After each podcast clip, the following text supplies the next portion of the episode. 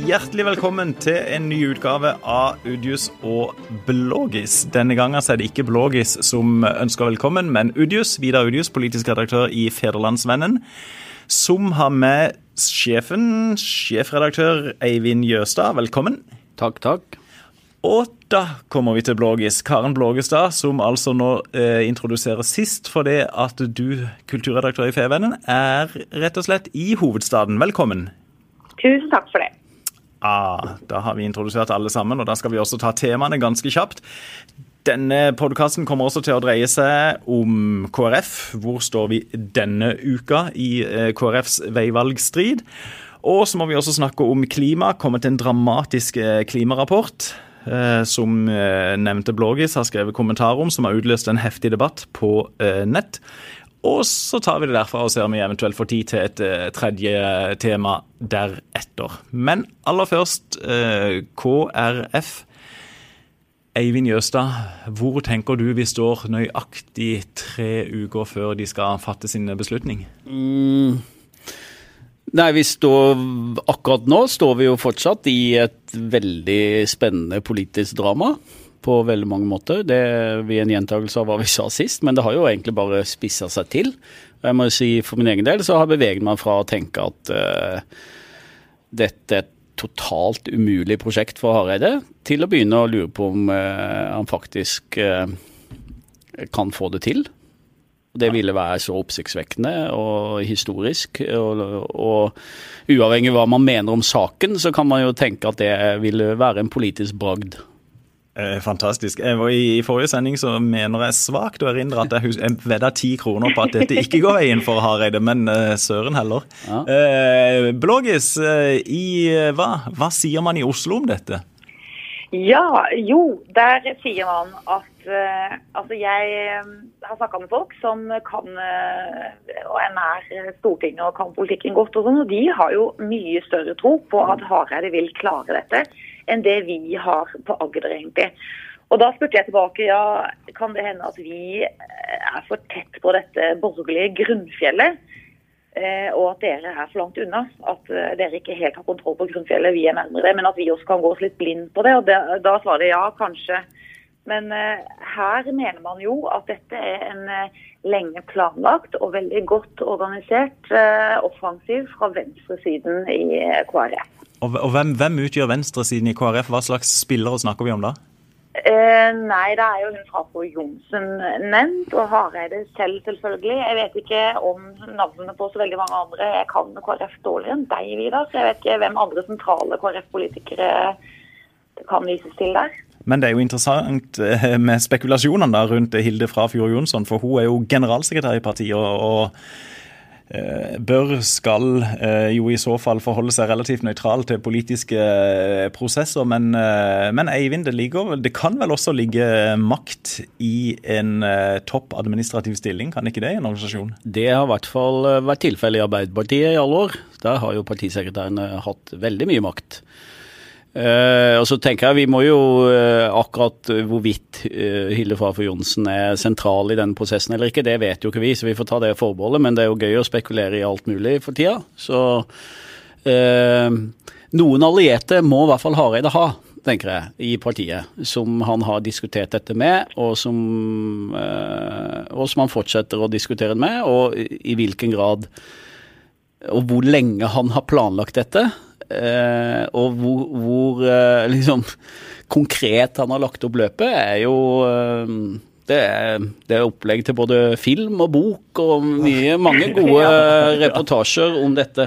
Så det blir veldig rett og slett spennende, da. Ja, veldig. Og det er klart, hvis en spekulerer i forlengelsen av det du sier, Karen, så er det jo det er jo ikke så vanskelig å finne argumenter for at dette kan ha vært planlagt eh, en stund. Både fordi at det er jo et dramatisk linjeskifte, og også fordi at eh, hvis vi går litt tilbake, et par uker i tid tilbake, så lanserte jo, eller presenterte jo Hareide sin bok, som jo var en lang argumentasjonsrekke for å gå til venstre, uten at han trakk den konklusjonen. Men den boka har han jo antagelig jobba med ei god stund. Eh, og tenkt sånne tanker. Og hvis vi også skrur tilbake igjen til uh, før stortingsvalget, og egentlig et halvt år, et år før der, hvor landsstyret da i KrF vedtok den samarbeidsuttalelsen som jo kunne tolkes nettopp alle veier. Eh, og hvor KrF da sa at vi vil helst ha en regjering bestående av KrF, Venstre og Høyre. Og hvis ikke det går, så vil KrF mest sannsynlig gå i opposisjon. Mest sannsynlig. Og så er det en annen ting det spekuleres i, i, her inne da, som jeg hører uh, blir nevnt stadig vekk, og det er jo at uh, Hareide er en veldig populær politiker. Så for en del KrF-medlemmer så blir det litt spørsmål rett og slett om uh, de bare skal holde med Hareide fordi de er så glad i ham, og så blir det spørsmålet om hvilken side de skal tilhøre, faktisk litt mer underordna i forhold til hans popularitet. da. Og så er det i hvert fall en annen ting jeg har tenkt på. det er jo liksom, hvis, I den grad KrF har et grunnfjell, det er jo det har jo blitt svekka, det er jo ikke så mange igjen. Men i den grad de har en del sånn litt eldre, eh, tradisjonelt kristne velgere som alltid har stemt på KrF, føler ikke de har noe annet sted å gå. De kan, eh, de kan sympatisere med andre partier, men de ender opp med å stemme KrF. Et, jeg lurer litt om, om de kommer til å gjøre det uansett videre òg. For altså, de har ikke så mange andre steder å gå. Det kan jo være han spekulerer litt i. Ja. Og det, ja, det, det, er jo et interessant spørsmål, ikke minst i vår, i vår landsdel. da. Uh, en hører det ikke så mye nå, men av og til før så hørte jeg jo det munnhellet om at uh, hva jeg skal stemme. Jo, jeg stemmer KrF, og da gjør jeg iallfall ikke, ikke noe galt. Mm. Uh, og det Ja, men det tror jeg er reelt ja, en del. Ja, sikkert. Men i forhold til det, den, altså den avmaktsfølelsen og på en måte den frustrasjonen mange borgerlige velgere i KrF har, da så eh, kan det jo bli veldig provosert over at eh, Hareide på en eller annen måte litt sånn dypest sett her nå gir de en beskjed om at ja, men jeg er ikke interessert i dere som velgere. Jeg vil rett og slett ha nye medlemmer i KrF. Jeg vil ha andre velgere. Vekk med dere, det er ikke noe framtid der. Vi må rekruttere nye skarer fra andre partier, og, og hvem det skal være, er jo et spørsmål også. Pluss plus at nå har jo aldri KrF da eh, gått i regjering med Arbeiderpartiet eventuelt før. Eh, men det med å åpne opp partiet har de jo prøvd, eh, og klarte det en stund under Svarstad, Haugland og Bondevik. Men eh, det er sånn sett lett å glemme i dag at det gikk ganske dårlig etter hvert, og at det måtte til en havarikommisjon, som sånn sett heller ikke løste KrFs problemer. Men det har gått jevnt og trutt nedover ifra rundt årtusenskiftet for, for KrF oppslutningsmessig, så det at eh, de sliter uansett egentlig med, med, med, å finne en vei videre. og Kanskje er det det sekulariserte samfunnet som gjør det stadig vanskeligere for et parti som KrF, selv om de da har saker som kanskje mange vil synes at de har OK standpunkter i når det gjelder f.eks. Eh, bio- og genteknologi og eh, ja, kampen for svake og klima og i det hele tatt. Men, men allikevel, dette stempelet nærmest som et kristent parti er kanskje mer krevende å, å bære nå enn, enn tidligere. Jeg vet ikke, Hva tenker dere om det? Jeg vet ikke. Jeg var jo nå, vi har jo skjønt at Karen uh, vært, eller, er i Oslo og snakker med mennesker og sånn. Jeg, jeg, jeg, kan jo da uh, fortelle at jeg òg uh, eh, var ute og snakka med noen mennesker i går. Det var faktisk interessant. Vi satt en fire-fem karer og, og, og veldig raskt så kom vi inn på KrF og begynte å diskutere liksom, hva tror dere og hva skjer osv. Nokså ymse gjeng. Og De fleste var veldig interesserte, men én rundt bordet var tydeligvis ikke spesielt interessert i politikk, og hadde egentlig ikke fulgt med noe særlig heller. ikke sant? Altså Som en påminnelse om at det er ikke alle som våkner hver morgen og tenker på hva kommer til å skje med Hareide og KrF. Og han hadde jo da, Men dere sitter jo ikke og snakker om politikk, sier han. Dere snakker jo bare om spill. Uh, det var hans første refleksjon inne. Og så har han jo delvis rett i det, men så er det jo også mye politikk i det. Eh, fordi dette kan jo rett og slett avgjøre hvem som skal styre landet osv. osv. Men ting som kommer på bordet da, i forhold til hvorfor er det nå folk som Det var til og med en som hadde meldt seg inn i KrF, som satt rundt bordet i går. Og, eh, og, og ting som kommer opp, er jo eh, avstanden til Frp. At noen er tydelige på og liksom Vi vil ikke regjere med Fremskrittspartiet. Eh, det handler om eh, en del sånne kjerneverdier om eh, rettferdig fordeling og bistand og fattigdom og sånne ting. Så det er nok det er saker der for KrF som har bredere appell enn de der 3,8% som de har hatt de siste åra. Og det kom jo en interessant meningsmåling eh, denne uka hvor de var oppe på 5% og gikk fram to prosentpoeng. Ja, og, som jeg må jo bare tilskrives en direkte effekt av den Hareide-talen. Det, det du, kan jeg få lov til å si noe fra ja. her inne på Oslo, da? Uh, nei. nei. jo. du skal det, Karen. Kan jeg bare et veldig kort uh, innspill til, til, det siste Eivind sier med den målinga. Uh, samtidig har Hareide hatt litt fordel av at de lå veldig lavt etter det der sommerbruduljen rundt homofili og vielse, ja. som kanskje da har fortatt seg litt. Men vær så god, Karen Blågestad. Ja, jeg, det, Nå skal jeg bare skryte helt enormt mye av Hareide. og Det kan jeg gjøre, for jeg er ikke noe KrF-medlem. og Det er et parti som er litt sånn fremmed for meg. Men til det han kompisen til Eivind sa om at dette bare er spill, så mener jo jeg at det er det ikke. Dette er en av de største ideologiske, politiske kampene og veiskillene i nyere norsk moderne politikk, mener jeg. Og jeg syns det er så utrolig bra at det står opp en politiker som Hareide, som på mange måter fronter og kjemper litt sånn tapte saker. og Verden dundrer av gårde, og der så de roper om abort og reservasjonsrett og kontantstøtte og sånn. At han følger hjertet sitt samvittigheten sin og sin ideologiske overbevisning. og Jeg tror bare det når enormt hjem til mange velgere, som også føler at KrF er et fremmedparti. Hadde du, hadde, du, eh, hadde, du brukt ja, hadde du brukt de samme ordene hvis han hadde fulgt hjertet sitt og konklusjonen var at nå skal vi i regjering med Frp? Nå syns jo jeg at det er Jeg kan se at det er mye i KrF politikk som stemmer godt overens på venstresiden også. Jeg syns at dette må være en veldig vanskelig diskusjon for veldig mange KrF-velgere. Jeg syns det, det, er rart at eh, KrF-velgere med stor letthet kan velge å gå i regjering med Frp. Det synes jeg det butter veldig, det er mye som butter med det. Så er det mange ting som butter for en KrF-velger ved å gå inn og skulle snakke med SV også, selvfølgelig. Men jeg syns ikke det er noen lett diskusjon. Jeg tror han hadde fått skryt for tydelighet hvis han hadde nå uh, sagt nå, nå, er vi klare, nå går vi i, uh, inn i regjeringen til Erna Solberg. Men det hadde ikke vært så overraskende. Derfor ikke så modig heller. Uh, det, så det har jo noe med at valget hans var kontroversielt og overraskende. At, ja, at det vil stå der som en sånn politisk tale i, i den nyere norsk politiske historie som vil bli huska. Og han risikerer, sin, sin, han risikerer, sin, egen posisjon og sin egen makt og sin egen partilederrolle. Det gjør han jo opplagt. ikke sant? Han kan jo mm. ikke lede KrF uh, inn i noen uh, diskusjoner i noen forhandlinger med borgerlig side. Overhodet ikke. Um, men, men, uh, men, samtidig vil det jo være, eller kanskje ikke men, men òg samtidig vil det være dypt fascinerende hvis norsk politikk kan snus på hodet i løpet av noen bitte få uker. I løpet av fem-seks uker ifra han holder talen til landsstyret til, det, til, et ekstraordinært landsmøte, eventuelt sier sånn ja, vi bytter side og vi gjør noe som vi aldri har gjort før i mm. partiets historie, og dermed blir det regjeringskrise og ny statsminister og Så nå legger du en tier til på bordet? Nei, jeg var Høyne til 20 nå? Nei, jeg var nesten nede, nede i sånn 28 kroner. Men jeg må, holde, jeg må holde med på den tieren jeg tenker det. Eh, dere var da jo imot begge to. ja, det jo... følte vi oss forplikta til, da. Men ja. det var jo ja, ja, under tvil. Men du, men, eh, denne tredje, dette tredje alternativet da, som Grøvan uh, har lansert, om uh, å forbli et opposisjonsparti, mm. kan det bli kan det bli liksom et kompromiss? Kompromisset?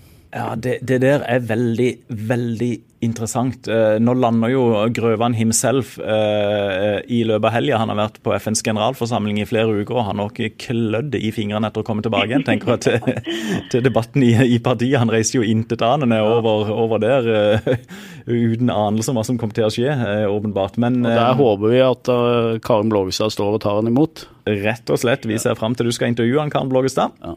Jeg skal sånn, sånn norsk flagg på Gardermoen. Og med sånn, ja, ja. Skal jeg, få med, jeg skal få med meg sånn eh, orkester også. Hornorkester. Mm, ja.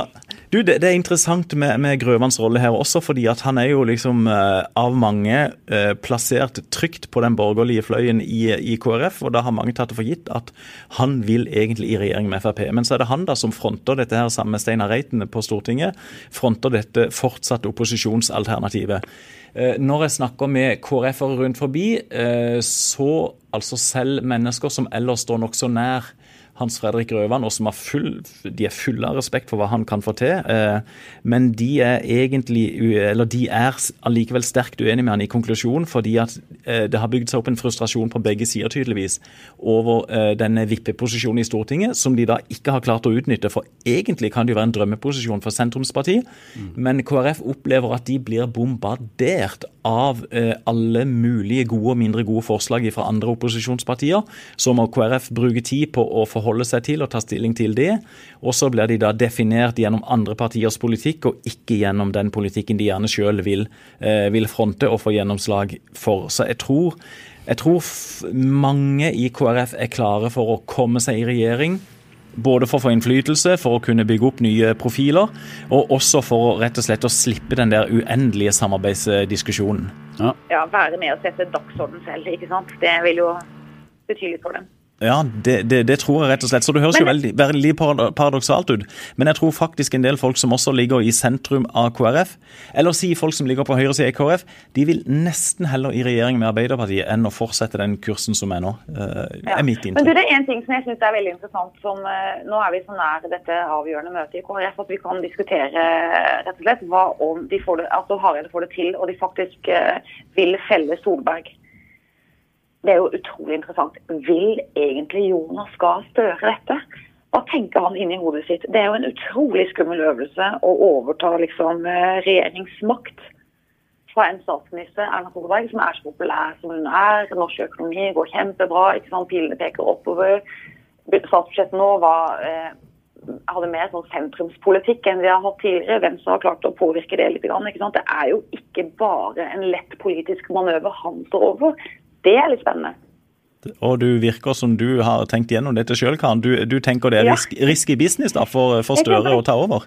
Ja, kjemperisky business, tenker jeg. fordi at uh, det er jo gøyere å få regjeringsmakt når du har vunnet et valg. Det er gøy med makt, Karen. Det er makt det handler om. Vi vil ha, og De har sittet utenfor så lenge nå i Arbeiderpartiet at jeg tror de er villige til å svelge både kameler og andre ting for å få tilbake makta, pluss at dette er kanskje den eneste sjansen Støre har òg.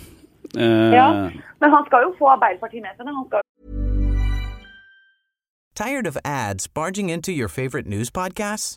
Good news. Ad-free listening is available on Amazon Music for all the music plus top podcasts included with your Prime membership. Stay up to date on everything newsworthy by downloading the Amazon Music app for free or go to amazon.com slash news ad free.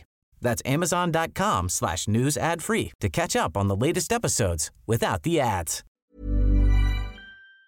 Blant annet overbevise kvinnegruppa i Arbeiderpartiet, som er en mektig gjeng. Anniken Huitfeldt er leder av det nettverket der, om at vi skal ha fire og uttale seg mildere og mykere om kontantstøtte, om reservasjonsrett og ja, ikke sant? Det er en haug med saker der som eh, vil være ideologisk krevende for Arbeiderpartiet. Absolutt, men samtidig så vil jo da Støre kunne peke nese til venstrefløyen i sitt eget parti, som har kritisert han for å eh, prøve å bygge, bygge broer over mot KrF, så kan i så fall Støre si at sånn ah, nettopp nå fikk vi sannelig regjeringsmakt pga. denne strategien som jeg har lagt over, over, flere år. Fordi at han har åpenbart hatt veldig godt personlig forhold til, til Knut Arild Hareide. Men, men, ellers helt enig, Karen. Det vil det vil være krevende. Jeg tenker For et annet parti så vil det være enda mer krevende. og Det er for eh, selveste Senterpartiet, som jo har brukt opposisjonsperioden til å på flere områder angripe Frp fra Høyre. I avgiftspolitikken er jo Trygve Slagsvold Vedum helt rå. Mm. Og Hvis han da nå må inn i regjering og utarbeide statsbudsjetter som han da skal få SV med på, så tenker han kan se langt etter mange av de her avgiftsendringene som han har argumentert sterkt for i Stortinget. Så jeg tenker Senterpartiet, eh, hvis de får regjeringsmakt i en litt vanskelig parlamentarisk situasjon før kommunevalget, så ja, jeg tror ikke jubelen står i taket hos Slagsvold Vedum, eh, retten og sletten. Men av ting som man kan anta at har skjedd på kammerset eller bakrom og, og snakket om, så må man jo tenke at dette har det vært snakka om.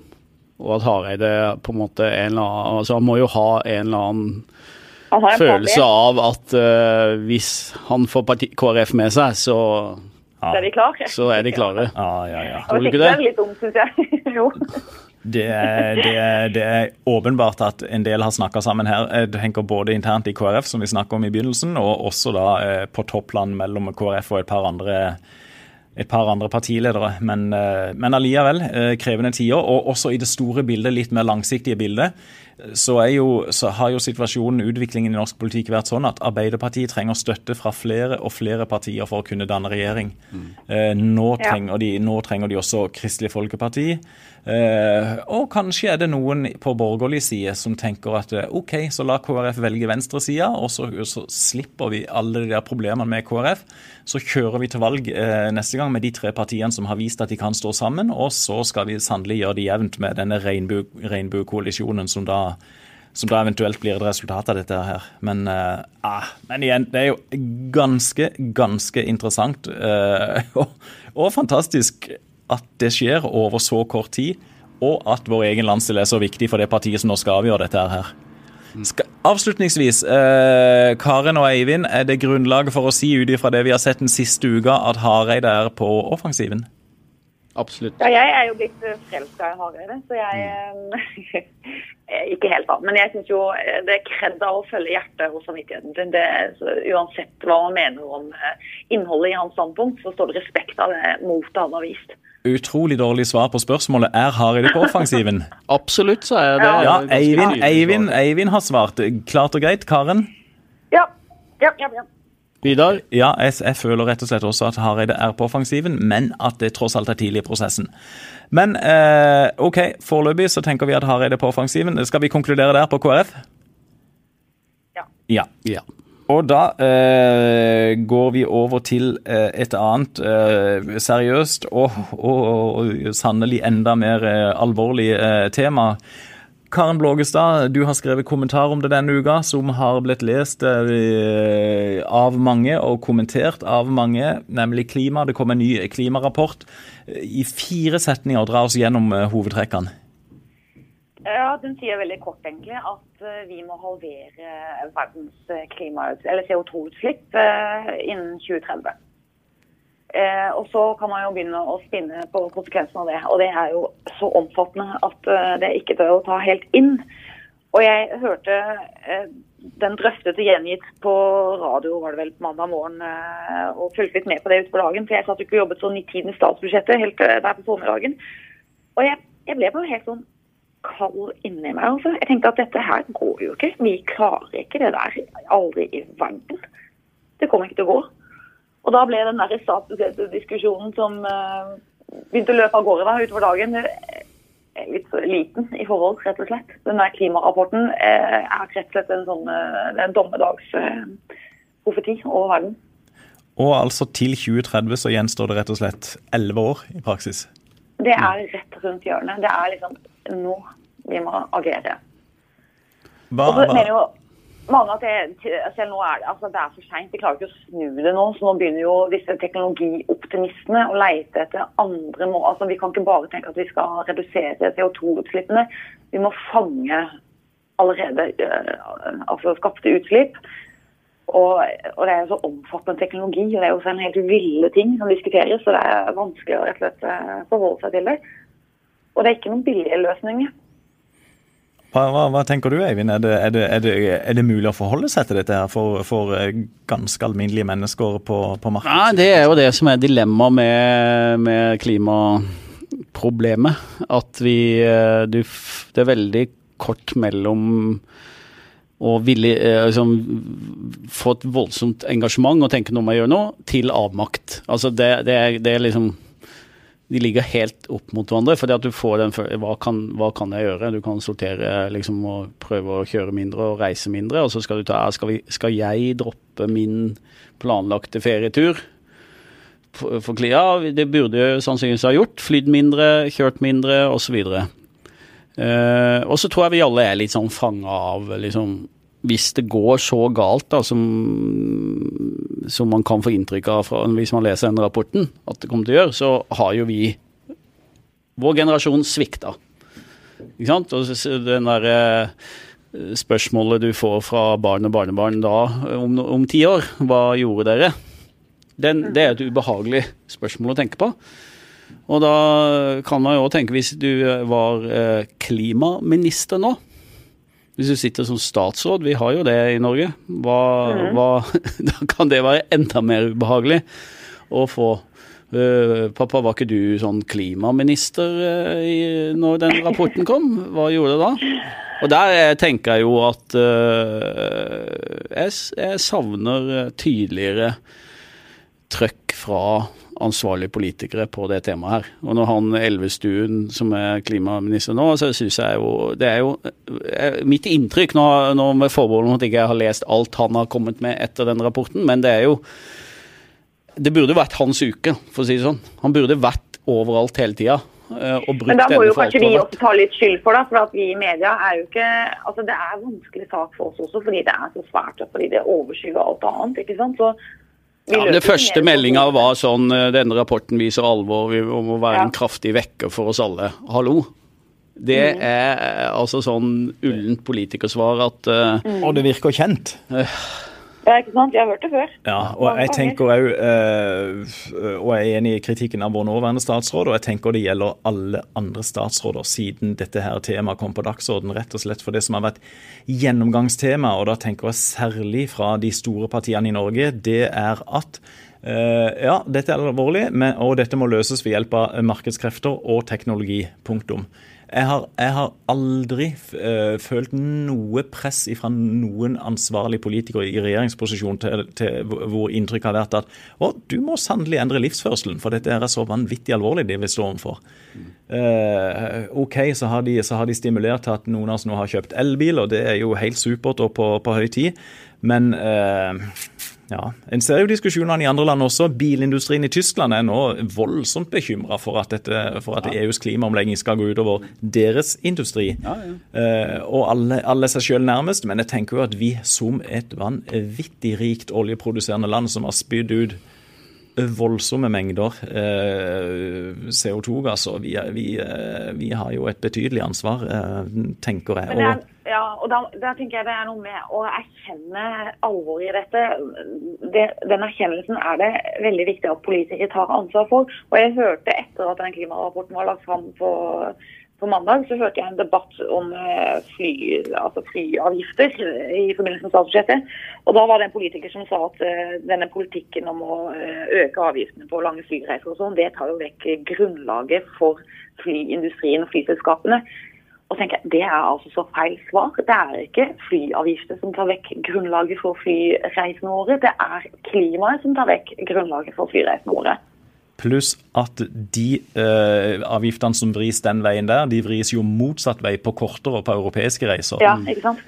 Absolutt. Så, ja, så jeg tenker det var et nokså, nokså eh, kleint, eh, dårlig tiltak, eh, rett og slett. Men, og, og, så er det store spørsmål. Jeg tenker jo litt sånn, eh, og det er jo litt apropos til den bompengeaksjonen som har vært i Kristiansand og i flere andre norske byer. da, da skaper det jo, altså Denne avgiften skaper et voldsomt raseri fordi den uh, slår skjevt ut. Også fordi at noen går inn og skal begynne å styre privatliv og kjøring. Jeg tror bare folk føler at staten skal inn og forstyrre livet deres og ta betalt for det. ikke sant?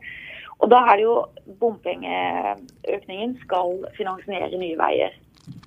Hva når det kommer en bompengeøkning som bare er tuftet på å få ned biltrafikken, at vi skal over på kollektivtrafikk? Hvor mye sintere vil ikke denne gjengen være da? Han, han, her, ja, han, de, disse bompengene er jo en del av den byvekstavtalen. Eh, der er jo en, en, del av Poenget er jo at penger skal gå også til kollektivtrafikk og, og, og, og sykkel og gange osv. Men, men, men, men, samtidig tenker jeg òg at det som er optimistisk oppi dette, er jo hvis det slår til det målet til et samla storting egentlig, om at i 2025, som jo ikke er lenge til, så skal det ikke selges eh, biler som slipper ut eh, Hva heter det for noe? For, eller så skal det ikke selges eh, fossildrevne biler. Mm. Eh, OK, slår det til, så tenker jeg da ja, ja, ja, da vil altså Norge være et, et foregangsland, iallfall på det eh, området. Men, men, igjen så ser en jo eh, særinteresser som kjemper for sine ting hele tida, og, og ut ifra argumentasjon om at sånn, ah, det lille vi gjør, det har ikke noe å bety den store sammenhengen. Her i Stortinget på, på onsdag, spørretimen. Eh, Erna Solberg var til stede, muntlig spørretime. De kan spørre om hva de vil. Eh, første tema var da, eh, prisverdig nok, er klima. Og sant, hva er første innlegget til nevnte Trygve Slagsvold Vedum, som jeg har veldig sans for. Jeg syns han er en kjempekul kar og en flink politiker. Men det var raljering da over at regjeringa vil legge begrensninger på øh, på antall kuer fordi at eh, kyr slipper ut eh, klimagasser. Og da tenker jeg ja, ja, ja, ja. Begynn der, så skal en se hvor vi ender, altså. Det blir bare ikke et kutt i det hele tatt, men alle har veldig gode Oljeindustrien i Norge er jo enormt opptatt av at det slippes ut mindre per produserte fat på norsk sektor enn i andre deler av verden. Ja, ikke sant.